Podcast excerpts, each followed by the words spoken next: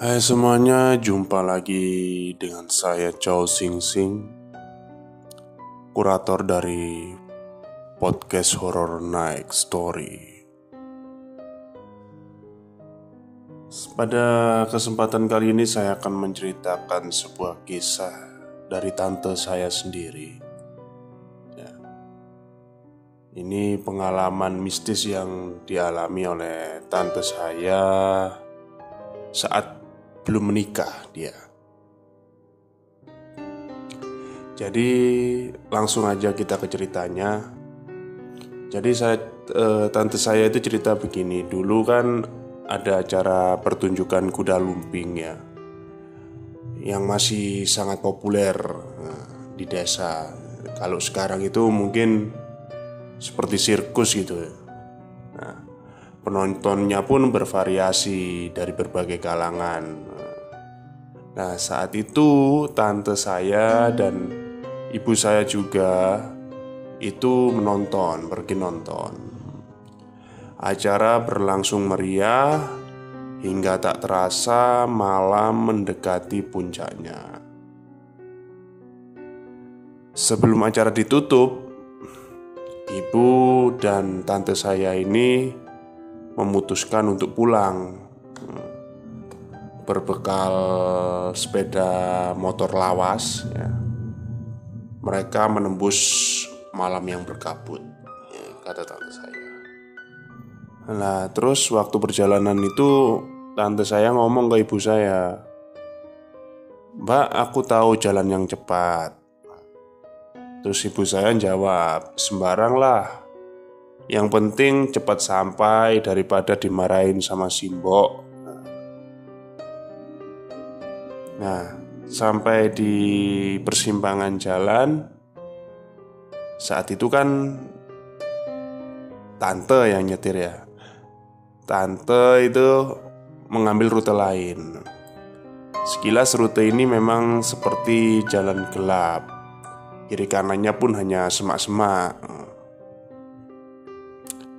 Lewat sini aman gak? Nah, celetuk ibu saya waktu itu, kata tante. Uh, sudah bismillah aja mbak. Uh, Jawab tante saya. Beberapa meter Masuk lokasi Telinga ibu saya Berdenging Kata tante saya. Hawa dingin itu Udah merambati tubuh mereka gitu loh. Ditambah sunyi yang gak wajar. Nah, tante saya ini terus memandangi semak-semak di sebelah kirinya sambil fokus mengendarai. Sepertinya ada yang aneh dengan semak-semak itu. Nah, terus tante saya ini akhirnya memacu kecepatan motornya itu rendah. Dari awalnya yang lumayan cepat, akhirnya rendah.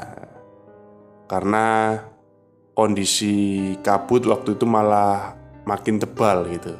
Dan jalannya pun nggak seperti sekarang gitu loh. Jalannya itu masih banyak bebatuan. Ya. Nah, saat lampu ini menyinari jalanan ya, tampak ada sesuatu di depan sana, kata tante.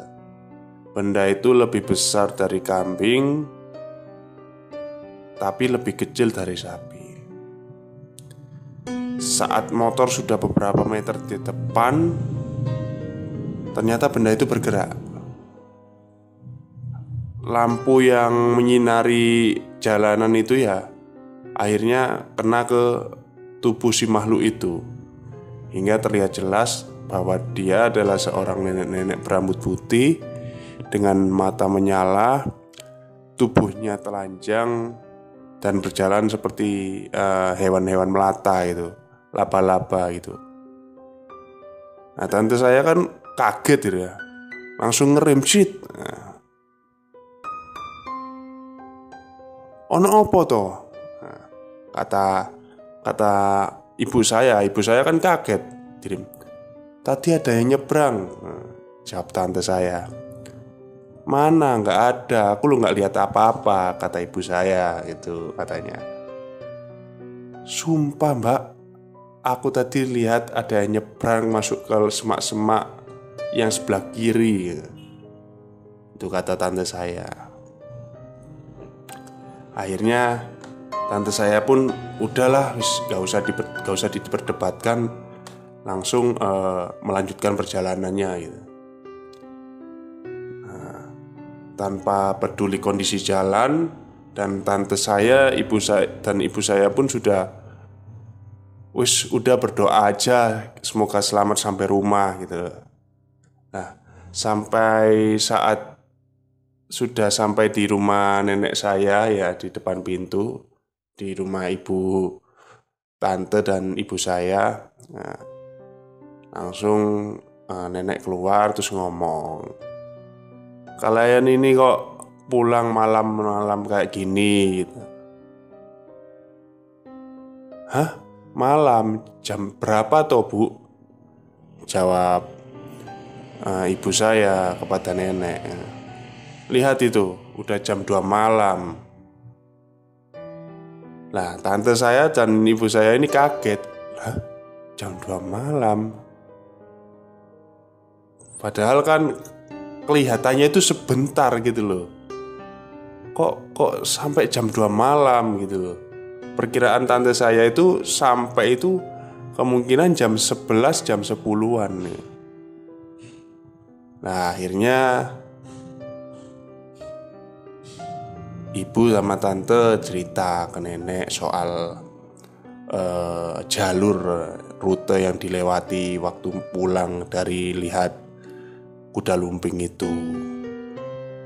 Nah, nenek saya langsung jawab, "Walah, gimana sih ngapain kan lewat situ? Untung bisa pulang." Tegur nenek saya. Tante sama ibu tanya lu kenapa bu kalau lewat situ Nah konon ini kata mbah saya Jalur itu dikenal dengan Gunung Cilik Sebuah jalan yang melewati bukit yang kirinya merupakan turunan Atau disebut bisa disebut uh, jurang kecil. Jalur itu jarang dilewati bahkan di hari tertentu tidak boleh ada yang melintas, dan menurut cerita orang setempat, rute itu sering dilewati iring-iringan jenazah, mulai dari ujung dan hilang ketika mendekati persimpangan. Kalau ada orang yang nekat, sebaiknya membunyikan klakson guna menghentikan nenek-nenek yang hendak menyeberang. Jadi mungkin uh, maksud mbak saya ini kalau waktu itu memang keadaannya darurat, memang diharuskan lewat situ ya bunyikan klakson lah, sering bunyikan klakson ya. Karena di sana juga sering terjadi kecelakaan, entah ringan ataupun fatal. Dan rata-rata pengguna jalan itu sial gitu loh. Tidak bisa mengendalikan kendaraannya ketika berada di rute itu.